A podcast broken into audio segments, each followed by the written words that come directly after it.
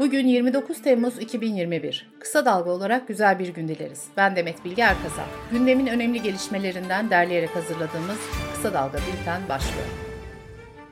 Kentte yaşayan yabancıların su fiyatlarına 10 kat zam yapacağını açıklayan CHP'li Bolu Belediye Başkanı Tanju Özcan hakkında görevi kötüye kullanma ve nefret ayrımcılık suçlarından soruşturma başlatıldı. Bağımsız İstanbul Milletvekili Ümit Özdağ Özcan'a destek verdi. Özdağ, belediye başkanımıza soruşturma açılması durumunda Ay Yıldız Hareketi olarak arkasındayız dedi. Sakarya Üniversitesi'nin Hipokrat yemininden cinsiyet, etnik kimlik ve cinsel yönelim ayrımı yapılmayacağına yönelik bölümü çıkarmasının ardından İnönü Üniversitesi de benzer bir adım attı. Rektör Profesör Doktor Ahmet Kızılay, toplum ve aile değerlerini korumak adına yemin metinlerinin üniversite senatosunun onayından geçtikten sonra okutulacağını söyledi. Baylok'un patentinin kendisinde olduğunu söyleyen David Keynes'in 9 Haziran'da ABD'den İstanbul'a gelerek teslim olduğu ortaya çıktı. Tutuklanan Keynes'in etkin pişmanlıktan faydalanmak istediğini söyleyerek çeşitli açıklamalarda bulunduğu öğrenildi. Aile Hekimleri Federasyonu 2. Başkanı Hacı Yusuf Eryaz'dan aile hekimliği sözleşme ve ödeme yönetmeliği nedeniyle 850 hekimin istifa ettiğini, iki gün içinde 1100 aile hekiminin de iş bırakma kararı aldığını belirtti. İstifa dilekçesi sunan hekimlerden Emre Şahbudak, basına demeç vermemiz yasaklandı. Bunun 50 ceza puanı var. Maske takın dediğimizde, sosyal mesafeye uyun dediğimizde neler olacak bilmiyoruz dedi. ÖSYM 2021 Yüksek Öğretim Kurumları sınav sonuçlarını açıkladı. ÖSYM Başkanı Profesör Doktor Halis Aygün'ün açıklamasına göre temel yeterlilik testine katılan adayların %32'si barajı geçemedi. TYT'ye 2 milyon 416 bin 974 kişi katıldı. Antalya'nın Manavgat ilçesinde Yeniköy, Sarılar, Bahçeli Evler ve Sorgun bölgesinde orman yangını çıktı. Yangın yerleşim yerlerine de sıçradı, bazı mahalleler tahliye edildi. Türkiye'nin en büyük 5. doğal tatlı su gölü olan Buzulçağı göllerinden Eber'de kuruma oranı %80'e ulaştı. Amerikan araştırma şirketi Gallup dünyanın duygu durumu haritasını çıkardı. 116 ülkede yaklaşık 160 bin kişinin katıldığı anket, dünyanın hiç olmadığı kadar üzgün ve stresli olduğunu ortaya koydu. Türkiye en stresli ülkeler arasında dördüncü sırada yer aldı. En çok öfke hisseden ülkeler Irak, Türkiye, Lübnan, Tunus ve Mısır olarak sıralandı. Araştırmaya göre hayattan en az keyif alan ülkeler arasında da Türkiye, Lübnan'dan sonra ikinci sırada yer aldı. Türkiye en az gülümseyenler endeksinde ise birinci oldu. Bültenimize COVID-19 gelişmeleriyle devam ediyoruz. Sağlık Bakanı Koca 17-23 Temmuz arasında illere göre her 100 bin kişide görülen vaka sayılarını açıkladı. Siirt, Diyarbakır, Bitlis, Giresun ve Iğdır vaka sayısının en çok arttığı şehirler oldu. Ankara, İstanbul ve İzmir'de de vaka sayıları geçen haftaya göre arttı. İstanbul İl Sağlık Müdürü Profesör Doktor Memişoğlu İstanbul'da vakaların %50'nin üzerinde arttığını belirterek dördüncü dalga ihtimali var dedi. Profesör Doktor Zafer Kurugöl'ün verdiği bilgilere göre yoğun bakımda yatan hastaların neredeyse tümü 50 yaş altında ve aşısız kişiler. Profesör Doktor Kurugöl, koronavirüs artık çocukların ve gençlerin hastalığı olmaya başladı uyarısında bulundu.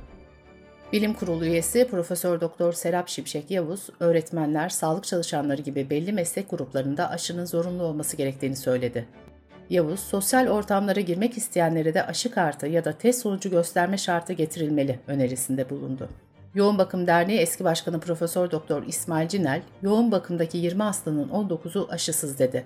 Cinel, 2 doz mRNA aşısı olduktan ve 15 gün geçtikten sonra yoğun bakıma yatan neredeyse kimsenin olmadığını söyledi.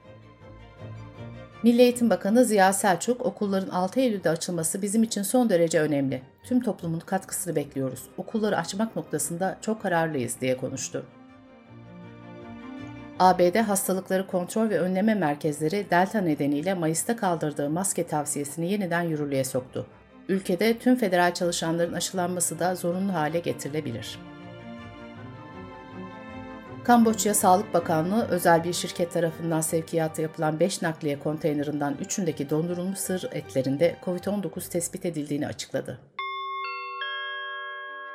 Sırada ekonomi haberleri var. Türk İş'in araştırmasına göre Temmuz ayında 4 kişilik ailenin açlık sınırı 2903, yoksulluk sınırı ise 9457 lira oldu. Bekar bir çalışanın yaşama maliyeti de aylık 3546 TL olarak hesaplandı. Ekmek %16.67 zamlandı.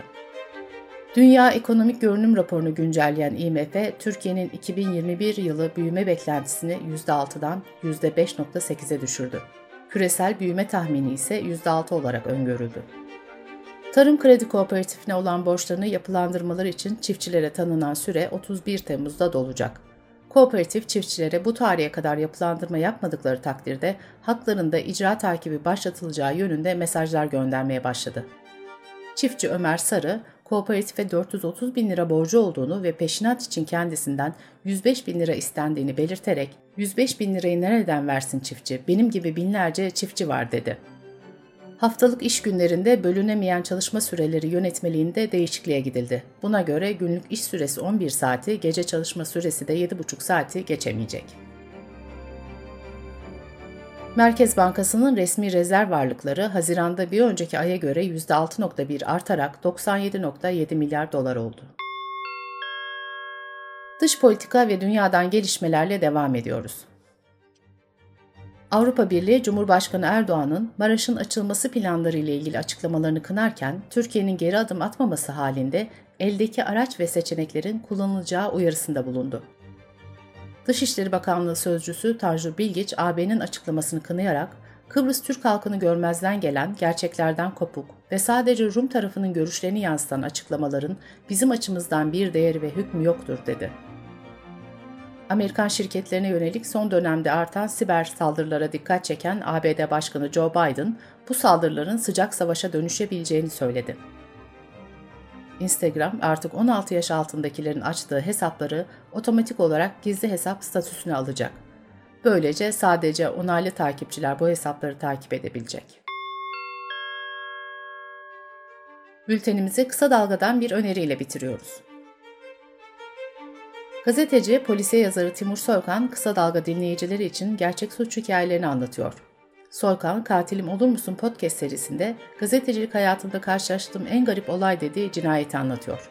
Bu inanılmaz hikayeyi kaçırmayın. Kısa Dalga.net adresimizden ve podcast platformlarından dinleyebilirsiniz. Gözünüz kulağınız bizde olsun. Kısa Dalga Medya.